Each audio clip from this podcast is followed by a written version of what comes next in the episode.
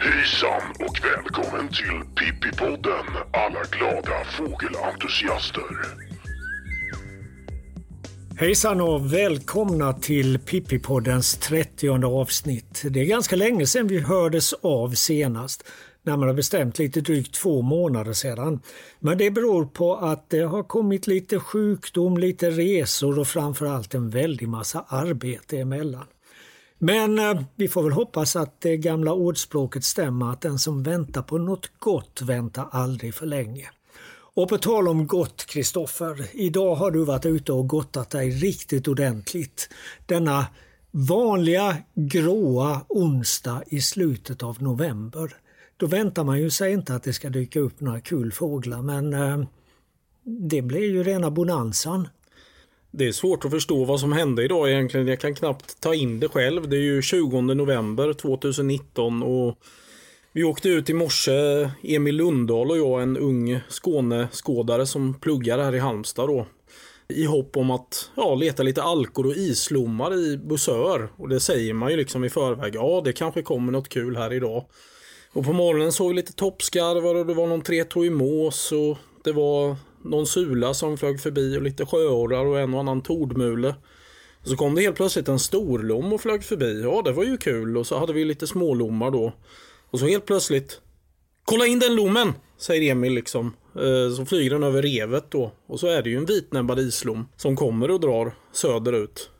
Och vi hinner fota den och sådär. Den har ju riktigt ljus näbb och halskil och ja, den här allmänna speciella vitnäbbade islomsformen. Hur tycker du man ska beskriva den? Lite uppnosig? Ja, lite uppnosig och det är ju som att de har en rejäl kniv, en elfenbensvit eller elfenbensgul kniv sittande fram på huvudet. Mm. Med rak överkant och vinklad underkant. Men när du sa att ni pratade om islommar, då var det väl egentligen inte vitnäbbade islom ni hade i tanke i, inte i förstone i alla fall, för att just vid den här tiden, senhösten, det är ju, det är ju svartnäbbade islom man brukar se då. Främst är det ju så. Men sen kan ju en och annan eh, vitnäbbad eh, stryka förbi just i november.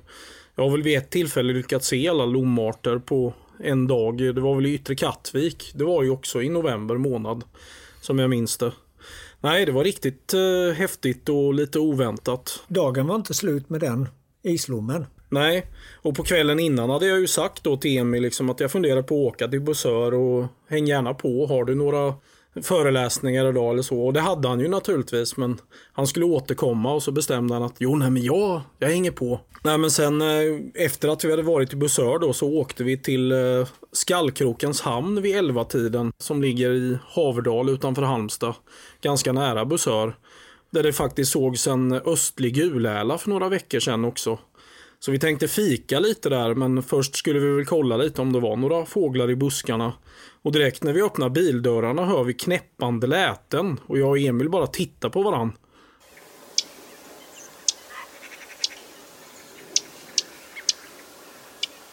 Vi vet båda att det här är någonting liksom och då lyckas jag säga att ja, det måste vara en brunsångare. Och så lyssnar vi på den och den blir tyst då och så börjar vi leta och Emil stressar ju upp sig lite där, eller vi stressar väl upp oss båda två. Och Peter Bengtsson är ju med där också. En eh, Halmstadskådare. Och så hoppar ju den här sångaren fram. Det är en brunsångare liksom och vi spelar in den och försöker fota den. Men just i samband med den här hittas då så hoppar det fram en grön sångare med, som, som vi till synes bara ser ett vingband på först. Emil hittar ju den då och så Oj, vad fasen är det där? Och den bara försvinner. Och så är det en brunsångare också i samma buskage. Man börjar tänka, är det en sibirisk lundsångare? Är det en östlig kronsångare? En sån där som Marcus Tallroth hittade på Öland för ett par veckor sedan. Det har ju varit ett enormt raritetsinflöde. De har ju haft eh, på Ölands norra udde en gråhuvad sparv med som hittades nu för två veckor sedan drygt. Som Tobias Berger hade då.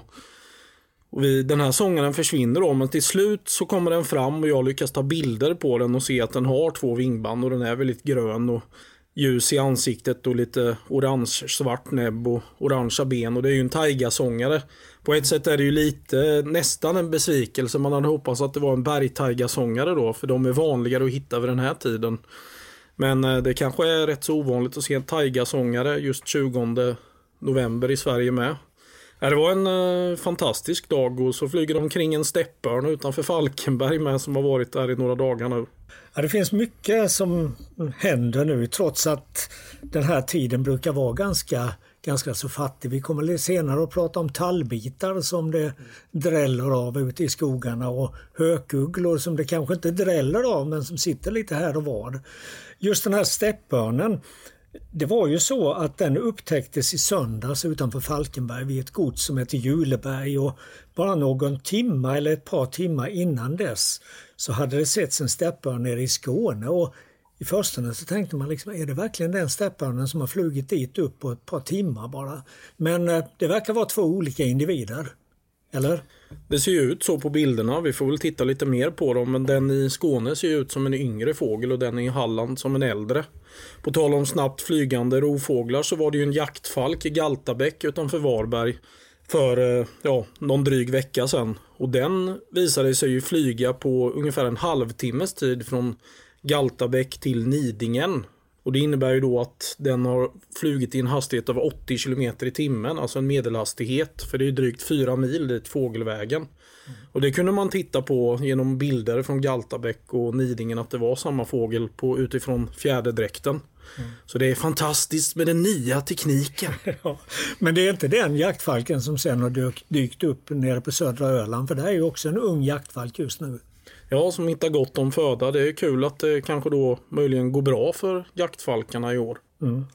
När det gäller steppan så jag satt och funderade lite grann på det där och gick tillbaka i statistiken. Och det, den allra första steppörnen i Sverige den sågs på 1960-talet, 1964.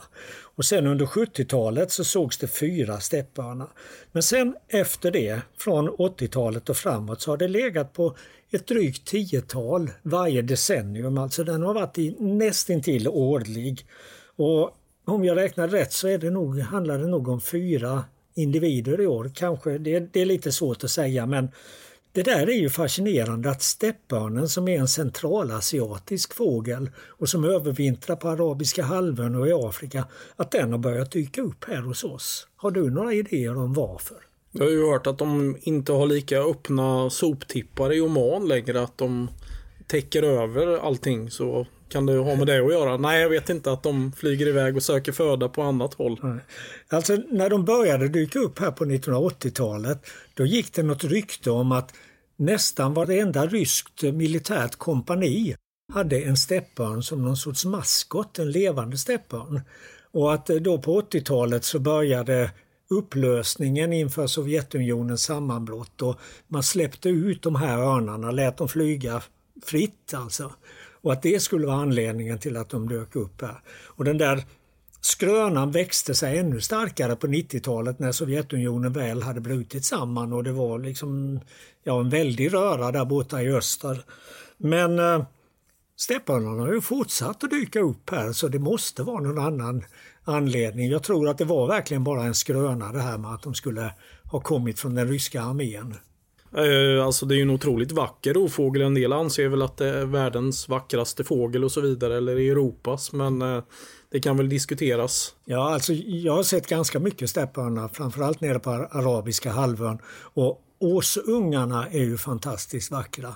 Men sen när de blir äldre så tycker jag under i alla de här subadulta dräkterna så ser de ofta ganska skabbiga ut. Ja, de är väldigt och, skabbiga i tredje, fjärde dräkten. Ja, de ser, det, det är liksom ingen ordning på fjädrarna alls. Och de gamla steppörnarna, visst de har ett, ett maffigt huvud med en kraftig näbb och också den här långa gula näbbgipan som går nästan till ögats bakkant. De får ett maffigt utseende men i övrigt så är de ju en, en, en större skrikare, är ju snyggare alltså. Och för att inte tala om en klippörn som man också kan se där nere på arabiska halvön. Det är ju en verklig skönhetsupplevelse. Ja, den är ju helt sanslös. Nej, de eh, ringmärkte ju en eh, steppörn på Ottenby med om det var 2006 kanske eller någonting sånt. De måste ju blivit väldigt överraskade när den satt i en sån här fjällvråksfälla då som de hade.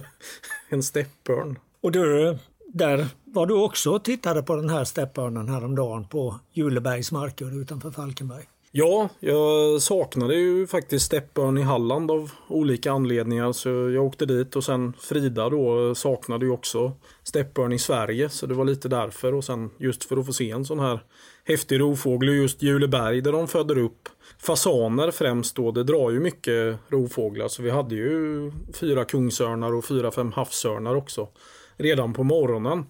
Och jag vet inte, jag upplever just Juleberg utanför Falkenberg ofta som en bra eh, rovfågellokal just på morgonen. Alltså fram till kanske lunch. Sen efter lunch blir det ofta ganska dött. Då är de väl mätta och ja. sitter och smälter maten någonstans de här hörnorna. Men just i, idag då så skulle det ju vara 40 jägare och jaga fasaner på mm. Juleberg. Så det var inte så många som var så sugna på att åka dit nu. Men örnen såg strax väster om i Årstad idag. Mm. Det där är ju någonting som man kan ha skilda tankar om. De här godsen som satsar väldigt mycket pengar på att föda upp fasaner och sälja jakter. Men man kommer ju inte ifrån att när man satsar så mycket på jakten så innebär det ju också att man vårdar markerna på ett sätt som kanske inte görs där man satsar stenhårt på jordbruket eller skogsbruket. Alltså naturen runt Juleberg är ju helt fantastisk alltså. Och, och, det är ju väldigt fint att åka dit. Jag, jag brukar ta med mina fågelkurser dit och då kollar jag alltid med jägarna i förväg om det är någon jakt just den dagen.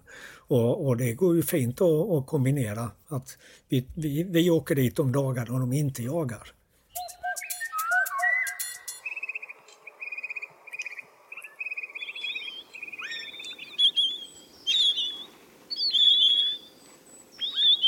Ja, det här ljuvliga lätet är det många som haft möjlighet att höra på sistone. Det kommer från tallbitar som sitter lite förnöjsamt och äter rönnbärskärnor i ett träd ofta påfallande oskygga. Och eh, de har vi ju verkligen fått njuta av i, år, denna höst alltså. Och det är ju en art som vi i Sydsverige verkligen inte är bortskämda med.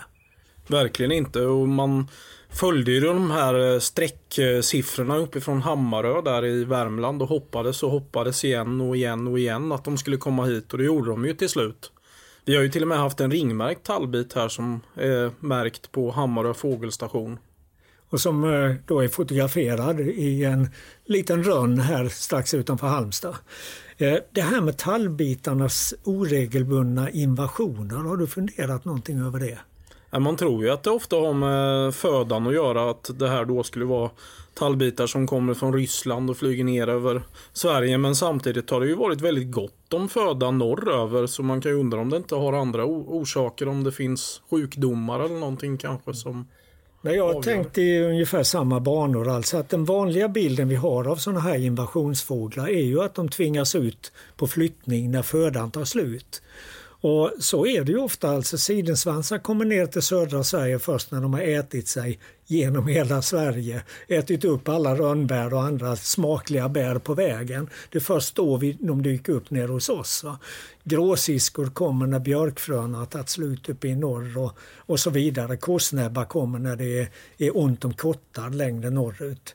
Men man har ju fått börja tänka om när det gäller de här tallbitarna för de har ju verkligen rest som det heter i något gammalt spel värdshus förbi. Alltså det har ju varit prunkande rönnar med massor av bär och de har bara flugit förbi. Ner till Sydsverige, vidare ner till Danmark och det är ju tallbitar till och med nere i Tyskland nu. Till många kontinentala fågelskådare stora glädje för där är du ännu mera högvilt än vad det är hos oss. Och danskarna har ju fått på Skagen och på många andra ställen och dessutom ringmärkt tallbitar. Det är väl bara Gotland tyvärr som inte fått tallbitar än. Man får väl hoppas att de kan få någon enstaka. Ja men de har ju fått så mycket annat gott i år. Alltså Gotland har ju varit väldigt, väldigt gynnat kan man väl säga på fågelfronten i år. Så att de får sukta efter tallbitar det det kan de väl ha tycker jag. Jo, Gotland har ju haft både alpjärnsparv och gulgrå sparv och svarthuvad sparv där nere på Hoburgen på södra Gotland. En annan sak som jag har funderat över när det gäller de här tallbitarna och det är ju att de äter ju bara kärnorna i rönnbären. De har inget bordsskick. Nej, de har inget bordsskick. De är ofta väldigt kladdiga. De påminner om mitt barnbarn när han sitter och äter glass. Då har han ofta glass ända upp mot ögonen och bort mot öronen. Och, och det är ju så med de här rönnbärskladdiga tallbitarna att de har rönnbärsmos över hela nyllet i stort sett. Men Tittar vi sen istället på sidensvansar och trastar som äter rönnbär, de, de äter ju fruktköttet varpå kärnorna passerar rakt igenom deras matsmältningskanal och de är ju bra spridare då mm. av frön från de här bären som de äter. Det är ju inte tallbiten, den sprider ju inte några rönnar utan den äter ju upp själva kärnorna. Men en annan sak som jag har funderat över när det gäller detta det är att vi ser ju runt omkring i planteringar här i stan och i städer överhuvudtaget i Sverige så finns det ju många sådana här riktigt praktfulla rönnar som har massor med bär. Och det är oftast två olika amerikanska arter. Den ena heter amerikansk rönn och den andra heter praktrönn. Och för ganska många år sedan så vet jag att vi noterade under en sidensvansinvasion att det var först när våra rönnbär var våra svenska rönnbär var uppätna som de började äta av de här amerikanska träden. Alltså de som har sitt ursprung i Amerika men planterade här. Och jag försökte kolla upp det då och kom bland annat i kontakt med en amerikansk ornitolog som berättade att det är precis tvärtom i USA. Där äter de amerikanska fåglarna först rent i de amerikanska rönnarterna. Men i USA finns det ganska mycket planterad europeisk mm. rönn. De kommer först när allting annat är uppätet. Så det verkar ju som att det har utvecklats någon sorts bärätarkulturer hos de här bärätande fåglarna. Ja. Det är ganska spännande. Ja, flest obsar av tallbit har ju gjorts i inlandet, i skogslandskapet och sådär. Men nu börjar det ju dyka upp mer och mer stadstallbitar som i till exempel Göteborg och Varberg. Och en, en annan sak när det gäller tallbitar det är ju att, och det har, man, har jag sett på sidensvansar också någon gång, att det verkar som att vissa träd är mer föredragna än andra. Just här utanför Halmstad där den här ringmärkta tallbiten fotograferades, där var det ju en rönn som de hade ätit nästan rent men strax intill stod det en rönn som inte var röd. Det var inte ett enda litet rönnbär på marken under den. Men under det andra trädet så var det ju fullt med rönnbärsmos under. Och det där kan man ju fundera över. Varför, varför är vissa träd godare än andra för de här fåglarna? Nej, det är kanske som när vi ska välja en eh, räkmacka i disken på ICA. Och, ja, den ser ut att ha en lite finare citronklyfta. Den tar vi. Ja. Nej men sen har de ju, käkar de ju också granskott. Såg vi ju där i Norra Dalabygget. De eh, verkar variera födan lite. Och så verkar de ju ofta sitta i lite lägre rönnar och så kanske det är lite högre träd bakom så de kan fly upp i granar eller björkar eller någonting. Mm. För de är ju otroligt oskygga fåglar som går att komma jättenära. Och det diskuteras ju vilt, vilken är finast, hannen eller honan eller sådana här unga hannar eller liknande då. Och folk verkar ju tycka väldigt olika där. Mm. Men de här eh, honorna är ju riktigt läckra. Ja, och just... jag, jag är nog av den uppfattningen att honorna är de snyggaste. Ja, hannarna är... är liksom hallonröda. Det blir nästan ja, de är lite, lite grälliga sådär. Eh, ja, ja. Lite överdrivna. Honan är mer sparsmakat. Eller Men jag vet, jag vet alltså. näst, om man ser en tallbit, för jag vet Frida pratade om det just ryggtäckningen där, att det är en väldigt läcker så med grått och rött mm. eller grått och gult då. Väldigt fin mönstring så.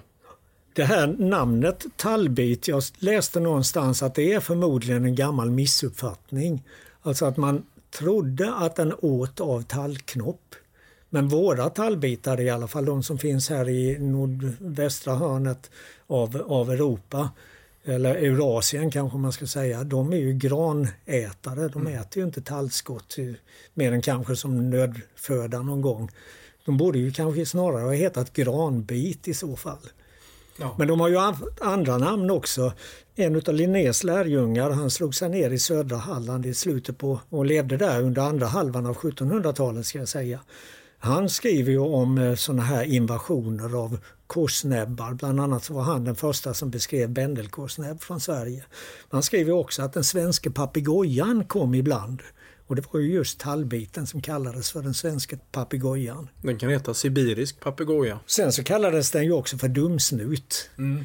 Och det var ju för att den var så oerhört lätt att fånga. Den är ju så förtrogen och sitter där och tittar på en på någon meters håll. Och kom man då med någon snara eller så så var det ju lätt att fånga den. Och så hamnade den i grytan som kamsfågel. Nej, andra fågelnamn är ju också intressanta. Just entita, att det här gamla namnet kärmes kanske är bättre på den egentligen. Klart bättre för det håller ju till i, i uh, sumpskogar med mycket lövträd och så. Inte i några enbuskmarker precis. Och sen finns ju då bredstjärtad labb. Visst det är väl ett uh, intressant namn i sig men en del vill ju döpa om den till tundralabb istället. Mm. Skulle det kunna vara ett bättre namn? så häckar ju både kustlabb och fjällabb på tundran också. Ja, det kanske så. inte håller riktigt. Ja, nu tycker jag vi glider ifrån ämnet ja, också. vi pratade ju om tall... fågelnamn. Ja, fast det var ju tallbitar i första hand. Ja. Det, nej, men det är också intressant att se att de här invasionerna av tallbit, de kommer ju med ganska långa mellanrum. Om vi tittar på hur det har varit under de senaste årtiondena i, i Sverige så hade vi en väldigt stor invasion Eh, runt årsskiftet 1976-77. Sen kom det en i slutet på 90-talet, 1998-99. Sen hade vi en mindre invasion i och för sig åren 2012-2013 och så nu den här väldigt stora invasionen 2018-19. Men bortsett från den mindre så är det ungefär 20 år mellan de här riktigt stora invasionerna. Mm. Ja, de hade ju mycket högre strecksiffror uppe i Sörmland där på Torö till exempel på 70-talet. Men den här verkar ju var betydligt bredare och många verkar ju få se tallbit nu som inte har fått se det på ja, platser där de bor tidigare som till exempel Falsterbonäset har det ju varit lite tallbitsobservationer. Man har till och med sett nere på nabben. Det har ju aldrig hänt innan. Sen är det ju alltid intressant att fundera över var de här fåglarna kommer ifrån. Vi har varit inne på det lite grann. Kommer de uppifrån norra Sverige eller kommer de österifrån? Är de från Sibirien kanske? Det, det, vet vi ju inte men med tanke på hur pass eh, noggrann och omfattande fågelrapporteringen är så kanske vi om sidor kommer att kunna bena ut det.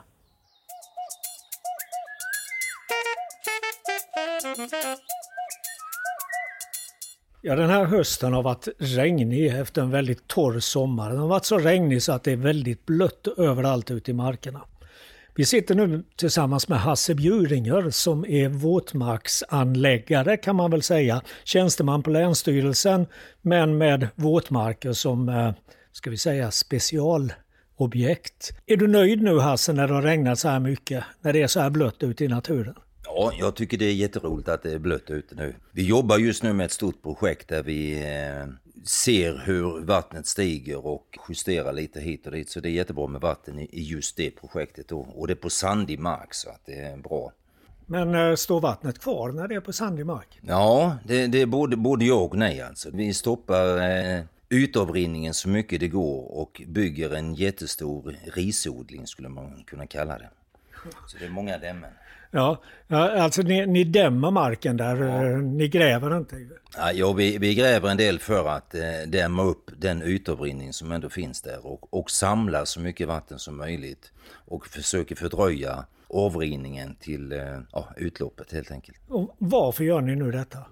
Det projektet är ett projekt där vi eh, ska återställa våtmarker i naturreservat och detta gäller, det jag pratar om nu är Hökafältets naturreservat och det finns en gammal dikad våtmark som eh, vi har fått särskilda medel för att restaurera.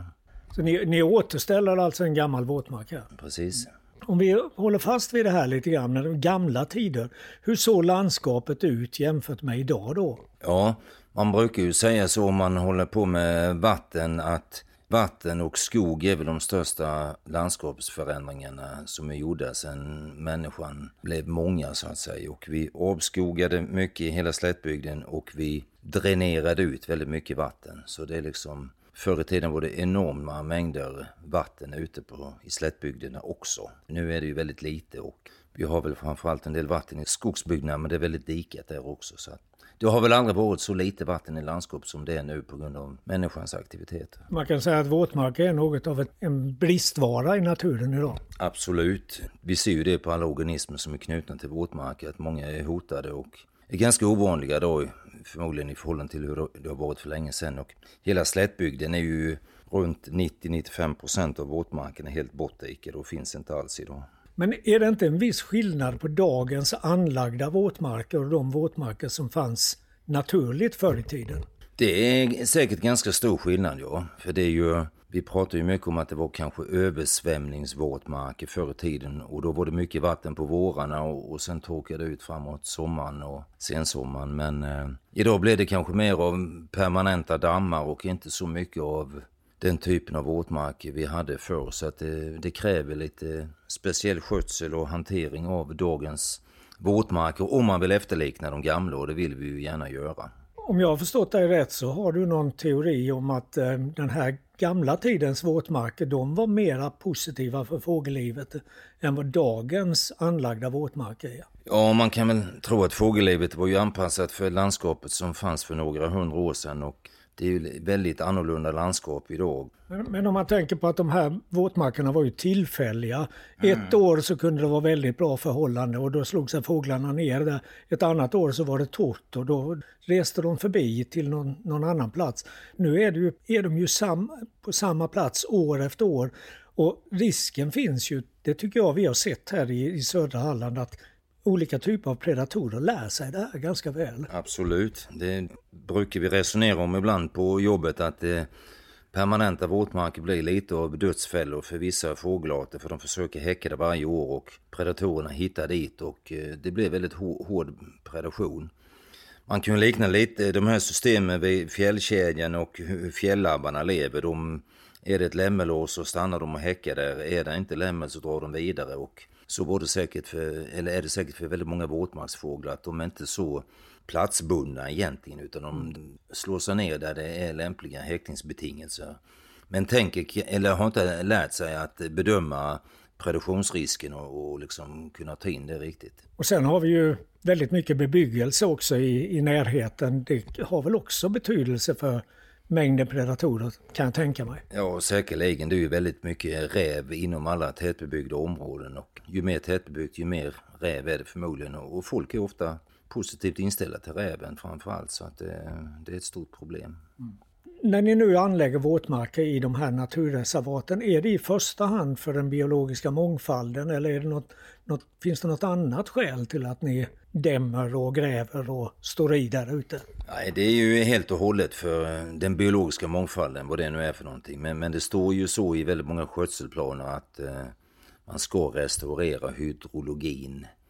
Det är det, det vi försöker göra då och det är oftast inte som det vanliga kanske är att man bygger näringsfällor för att rena vatten ifrån jordbruksområden och så utan det är, det är för att ja, helt enkelt få upp grundvattnet så att det blir mycket ytligt vatten och, vilket gynnar groddjur och mycket insekter och annat. Vad har ni sett för eh, resultat så här långt? För det, ni har väl jobbat med fler våtmarker tidigare än, än just den som du är så djupt involverad i nu? Ja, jo det man ser ju att många fågelarter har ökat ganska mycket i landskapet och, och eh, det finns ju ett antal arter som till och med fallit bort ifrån eh, de här hotlistorna vi har över sällsyntheter. Särskilt i Skåne har man ju sett mycket på groddjuren också att det har eh, blivit oerhört mycket bättre för många arter.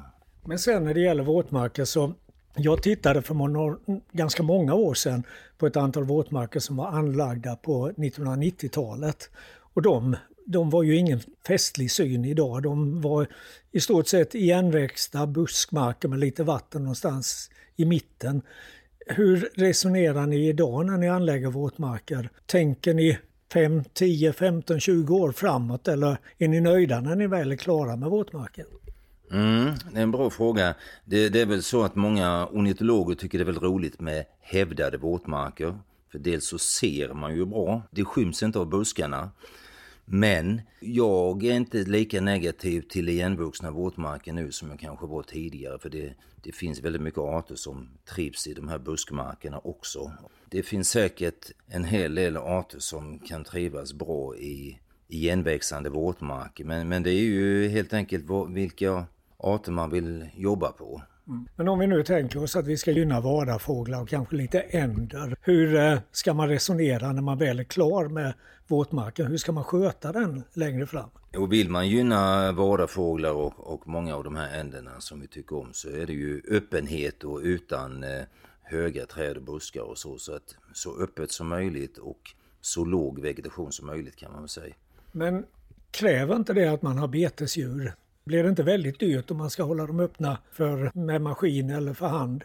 Ja, jo, i princip så är det ju så att eh, betesdjur är ju fantastiska, särskilt nötkreatur då som eh, är i och betar i våtmarken och rör sig mycket över hela ytorna. Utan bete så skulle man köra med slotter och det är klart det kostar mycket att, slå det årligen. Och det, det, är väldigt svårt att upprätthålla den skötseln. Samtidigt så är det inte helt lätt att få lantbrukare att, att beta i blöta marker.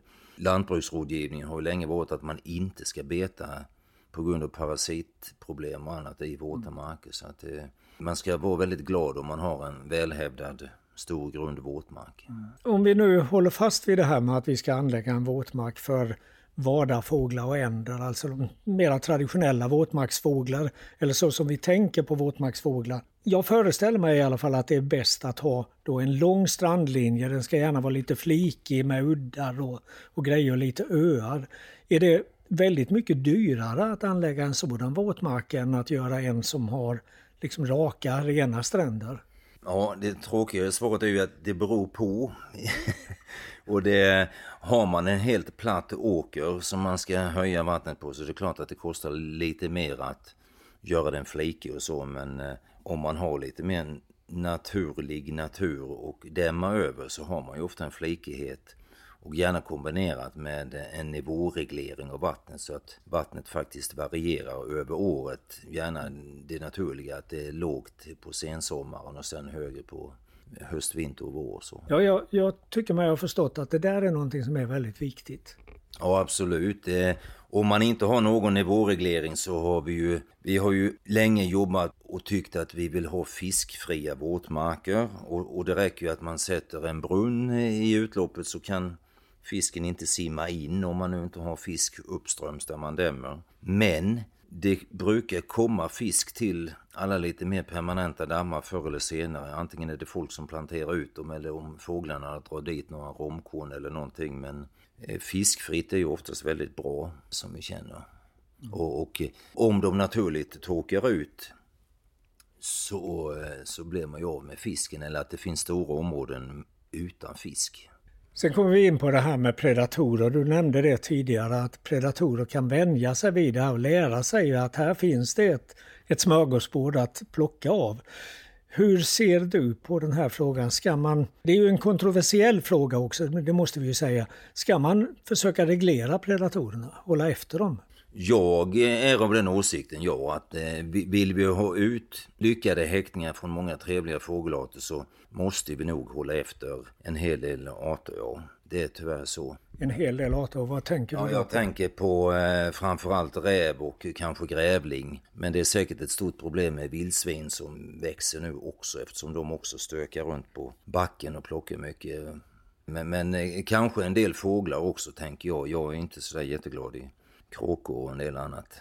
Mm. Och det här är ju också en, som jag sa, en kontroversiell fråga. Får du inte mothugg?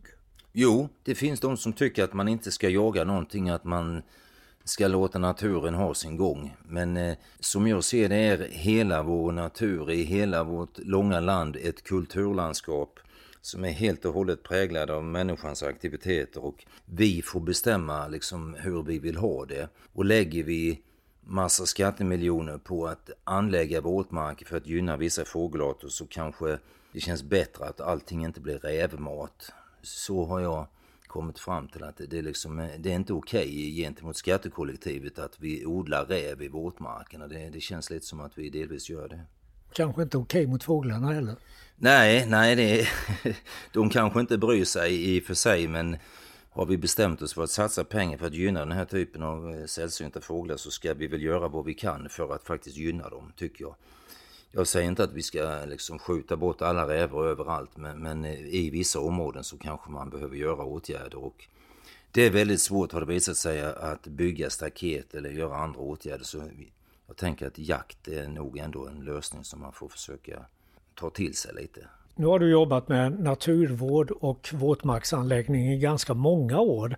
Är det någonting som du har lärt dig under de här åren som du har blivit liksom en, som en ögonöppnare för dig? När jag var alldeles ny på Länsstyrelsen och skulle jobba med mitt första våtmarksprojekt så fick jag av en god vän höra att det bästa som skulle kunna hända det här området var att man skulle ha en stor stridsvagnsövning och köra sönder hela våtmarken så mycket det gick för att ja, plåga sönder den ensartade vegetationen som var där då och skapa mer öppenhet. Och det följer ju med en och det är ju det som hävd innebär egentligen. Det är ju att man har en väldigt kraftig påverkan ifrån betesdjur eller någonting annat, som är, vilket är väldigt positivt för både växter och djur. Så har vi inte några betesdjur, då ska vi köra ut med stridsvagnarna då? Ja, jag vet inte vad man ska göra. Men eh, sen finns det säkert eh, mer naturlig natur som vi inte alls har kvar idag. Och jag kan fundera på en art som man tycker mycket om, känner jag, som svart stork till exempel. Har vi några våtmarker idag som är lämpliga för den till exempel? Det, det, kan man fundera på. Man kanske skulle låta någon jättestor våtmark bli en enda stor sumpskog och det kanske den skulle uppskatta faktiskt. Så att, eh, det är nog mycket vi inte vet för att det är flera hundra år sedan de här biotoperna försvann. Så att, eh, det kan man fundera lite på. I våra olika avsnitt av Pippi-podden så brukar jag ju ta upp eh, lite aktuell fågelforskning. Och det tänkte jag göra idag också och jag tänkte att det skulle handla om nattstjärnor. Kristoffer, du har varit med ganska många gånger vid Grötviks fältstation och ringmärkt nattskärror under hösten. Hur går det där till egentligen?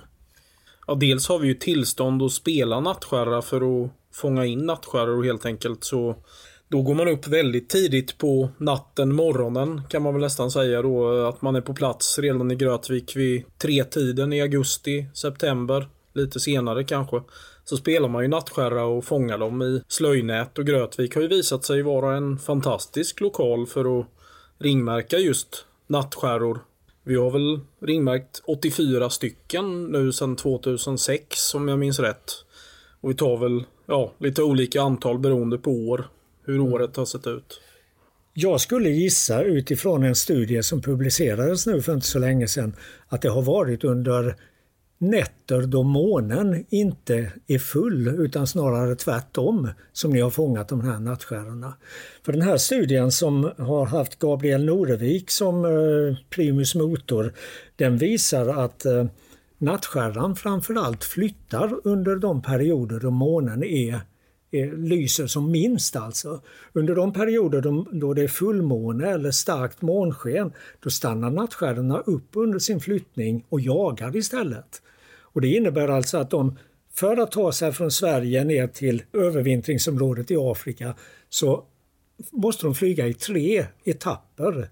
Alltså mellan åtminstone två olika perioder med fullmåne där de stannar då och äter på någon, någon speciell plats. Och så verkar det som att tio dagar efter månmaximum så lyfter alla nattskärror och drar iväg synkront i stort sett. Och, och sen flyger de då varje natt under en, en längre period va? tills det börjar bli månljust igen. Då stannar de på nytt.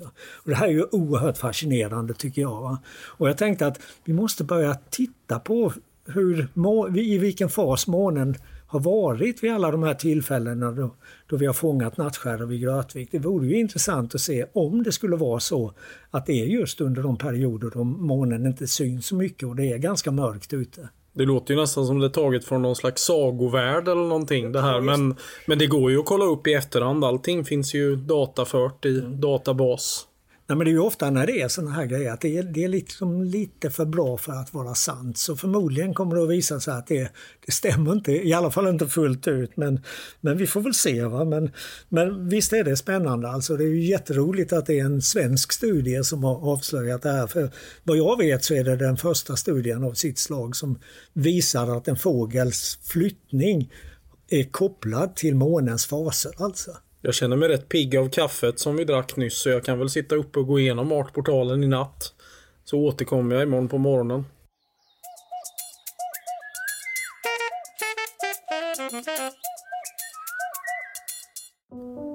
Tisdag 19 november klockan 15.38. Jag skriver till Emil Lundahl.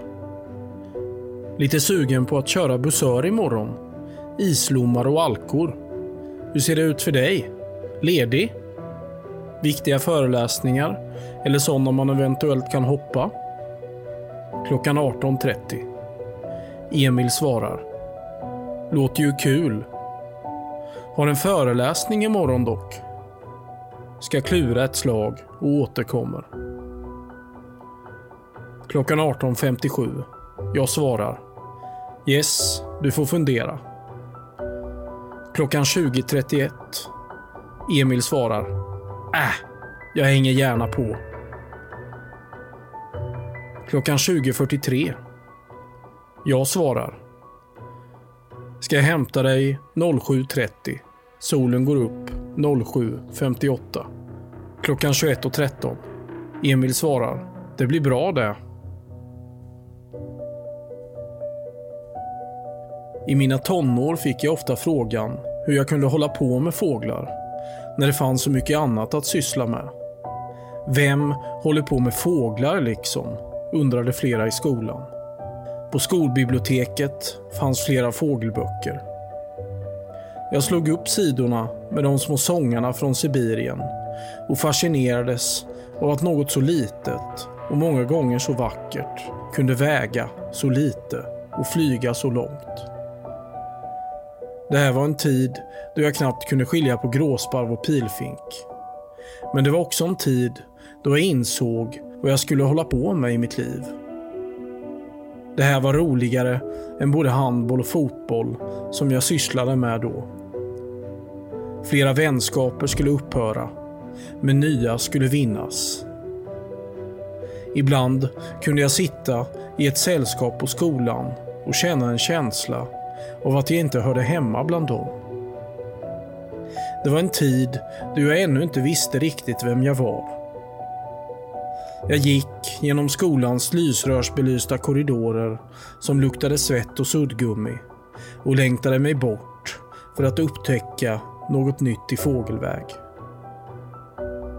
Jag minns hur jag åkte ut i samma dunge i skogen och undrade vad det var för fågel som hoppade runt i granarna. På fjärde försöket med den tunga 7x50 båtkikaren kunde jag konstatera att det var en järnsparv. Sedan fortsatte det så. Det eviga nötandet. Tragglandet. De fruktlösa turerna. De oväntade och väntade upplevelserna. Fåglarna som ett ständigt sällskap. Att aldrig bli fullärd. De eviga utmaningarna.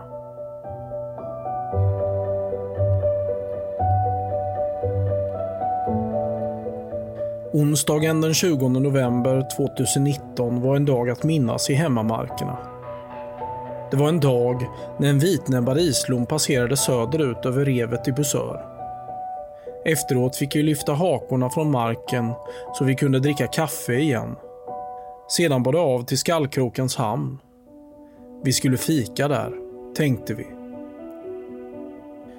Vi öppnade bildörrarna och såg på varandra direkt för en fågel smackade flera gånger från buskaget. Våra ögon talade samma språk. Språket om sällsynta fåglar. Jag sa, det låter ju som en brunsångare, till Emil.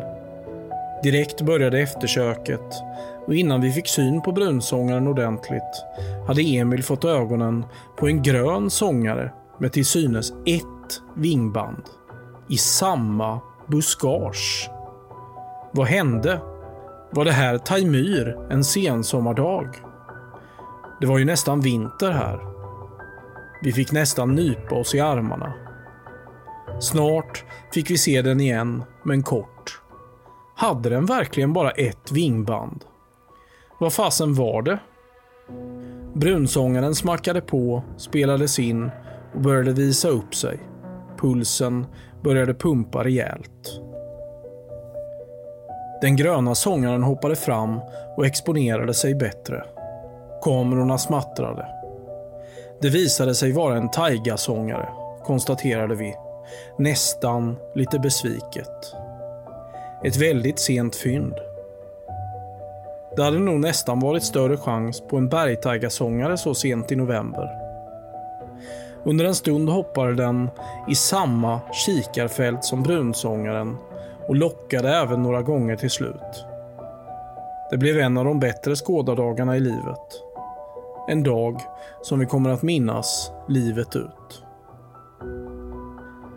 hade jag kunnat spola tillbaka tiden till när flera skolkamrater ifrågasatte mitt då nyfunna fågelintresse.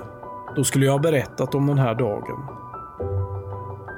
Kanske hade någon av dem lyssnat och följt med mig ut.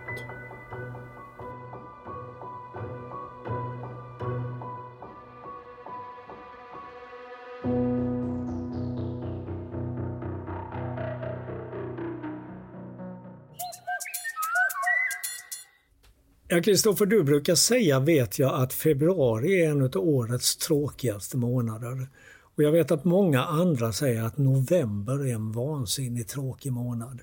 Men när det gäller fåglar, åtminstone här på västkusten, så har väl november visat sig vara en ganska kul månad. Det är en otroligt spännande månad. Alltså många fåglar försvinner ju i oktober månad men sen kan det ju finnas sådana här guldkorn kvar just i november som vi märkte idag till exempel. Med den här brunsångaren och taigasångaren och sådär. Och det har ju hittats gråhuvad sparv på Öland till exempel nu i november. Det är ju så här att man liksom letar efter fåglar men det är inte så mycket fåglar kvar men när det väl är något så kan det vara riktigt hett och smälla till rejält. Och någonting som många har glatt sig åt nu, förutom tallbitar, det är ju hökugglor som är på gång igen. Det verkar vara tätt mellan de här invasionerna av hökugglor ner över södra delarna av Skandinavien. Numera. Ja, de senaste invasionerna det var väl där 2012-13 och så var det ju 16-17 och nu är det alltså dags igen då för hökugglor. Det börjar nästan kännas lite Nej, ska ni redan komma tillbaka igen? Vi vill längta lite efter er. Jag vill hellre se en pärluggla på dagkvisten än en hökuggla. Du menar att de förlorar lite av sitt värde när de blir för vanliga då? Ja, det är ju lite så med fågelarter att vissa kan återfå sitt värde och andra kan förlora sitt värde lite. Mm. Det är ju så till exempel med brandkronad kungsfågel eller ja. stepphök kanske har blivit mer och mer oj, det där men, är lite som, för mycket. Som upplevelse både estetiskt och av andra skäl så är ju hökugglan någonting alldeles speciellt. Alltså, den är ju aktiv på dagarna. Vi har ju möjlighet att se den då på ett annat sätt än andra ugglor mm. som bara sitter stilla på dagen, kanske inne i, djupt in i något träd någonstans.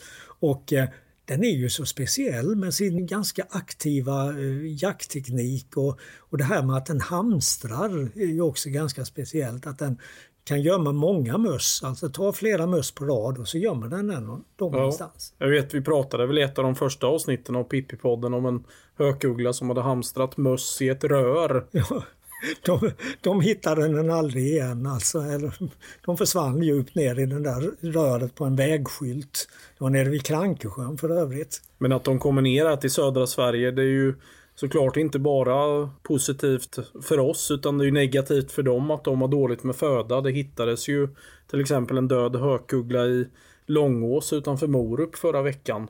Var den mager då kanske? Att det bör den ju ha varit. Men det händer väl också att de flyger emot och blir påkörda. Eh, dels att de mm. flyger emot rutor. De kan ju jaga inne i trädgårdar i vissa tillfällen efter småfåglar bland annat. Och då är ju stora glaspartier ofta en, en stor fara för dem. Men sen så vet jag att det blir en del påkörda också eftersom de gärna sitter längs med vägar också och, och jagar möss i vägkanterna. Ja, precis. Nej men alltså spana efter hökugglor i torrakor på hyggen och sådär så ska ni nog se att ja, där ja. har vi en. Och det är någonting som förgyller tiden. Ja, medan vi pratar här nu så kommer jag att tänka på en ganska rolig episod. Ni har ju sett en vitnäbbad islom idag i november. Och för ganska många år sedan så var det en stationär ung vitnäbbad islom just på samma plats där ni såg den idag vid Bussörd. Mm. Och jag hade legat sjuk en längre tid och inte haft möjlighet att åka ut och titta på den där. Men så hade jag äntligen tillfrisknat och fick möjlighet att åka iväg tidigt en lördagmorgon och eh, jag kom ut och vi hittade den här vitnäbbade islommen ganska snabbt. Men kort därpå så stod jag och tittade på en stor flock småskrakar som låg strax intill. Och plötsligt mitt bland småskrakarna dök det upp en alka. Och det där visade sig vara en spetsbergsgrissla i vinterdräkt. En fågel som ganska många fick se. Och på den tiden så hade vi inte det sofistikerade larmsystem som vi har idag, men vi hade ett larmsystem i alla fall och vi larmade ut den där spetsbergsgrisslan. Och bara efter ett par minuter så kommer det en fågelskådare och säger var är den? Och vi pekar ju på Spetsbergsgrisslan. Där ligger den. Och så, ja, du kan titta i min tub, sa jag. Så ställde han sig och tittade och blev alldeles tyst. Han sa inte ett knyst. Och han fick helt enkelt inte detta att gå ihop. Han hade inte hört larmet utan han hade gjort som jag, åkt för att titta på vitnäbbad islom. Mm. Och så kommer han och frågar var är den? Och vi säger ja, där är den. Och han får titta på någonting som absolut inte är en vitnäbbad islom. Det var först när den andra skådaren som hade varit där tidigt på morgonen och jag, när vi började prata om spetsbergsgrissla. Då tittade den här skådaren upp och då såg man liksom att poletten trillade ner. Va? Sen visade vi honom den vitnäbbade islommen också. Men jag har ofta tänkt på det, undrar vad som rörde sig i hans skalle. Ja, häftig upplevelse. Där ändå. står vi så självklart och pratar liksom att här är den, här du måste se och kolla så fint den ligger och så vidare. Usch. Just den helgen var jag hemma kommer jag ihåg. Jag var väl inflyttad till Halmstad just det året. 2003 där var det väl. Men eh, det kommer väl fler. Jag var väl med om något liknande med, med den här sandtärnan som var på Trönninge Ängar. Så kom jag dit och så är lite folk där inne för det var ju en silkesäger på Trönninge Ängar med. Inne i gömslet då satte folk och tittade på den här silkesägen då. Så kom jag in och frågar en eh, gubbe som sitter där. Eh, var är det någonstans? Ja, här. Så tittar jag i hans tub. Nej, inte silkeshägern. Sandtärnan. Sandtärna? Är det en sandtärna här? och då, då visste han inte om det liksom, fast han var inne i gömslet då. Han hade väl inte kollat larmet eller så. Det kan ju vara rätt mycket folk där. Så det var ju väldigt komiskt allting. Det börjar närma sig slutet här nu också. Nu har vi pratat ganska länge men vi måste ju också titta lite framåt. Vad händer härnäst? Vi har en månad kvar ungefär tills eh, ljuset börjar komma tillbaka.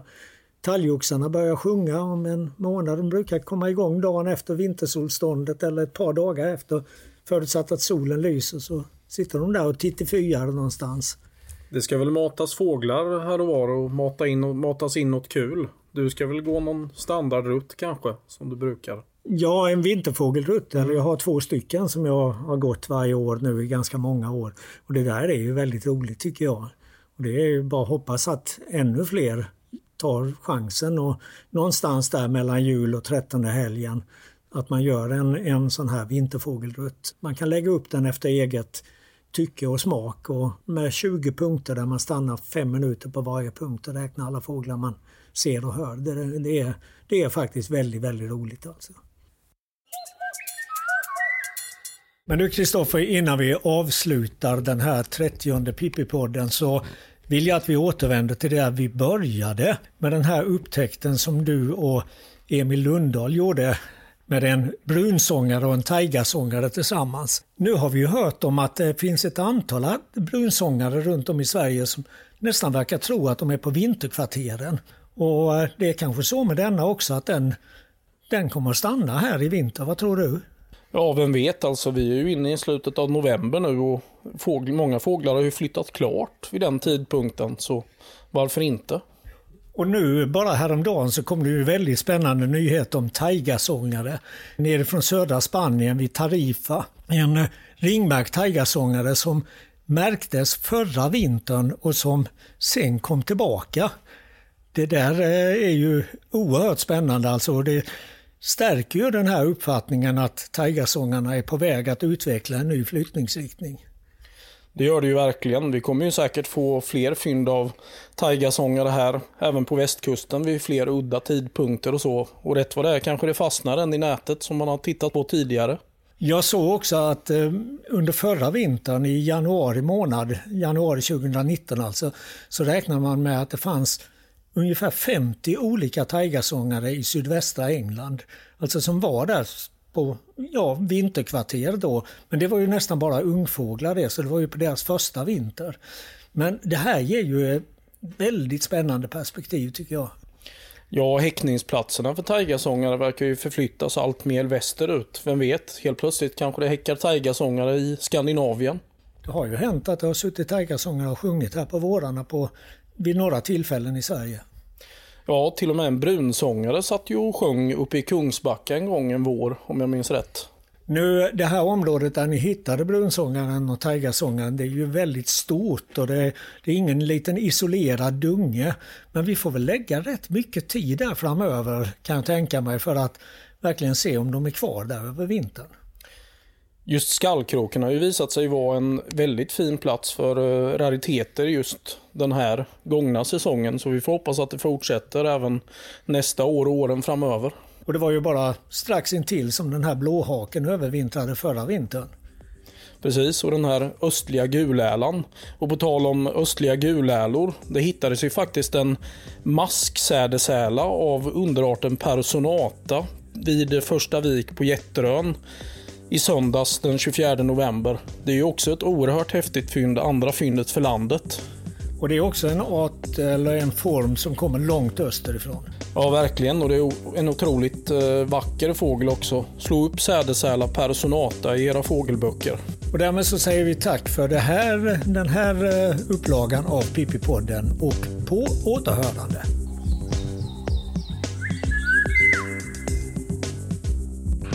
Redigering av Frida Nettelblatt. Pippipodden produceras i samarbete med Studiefrämjandet.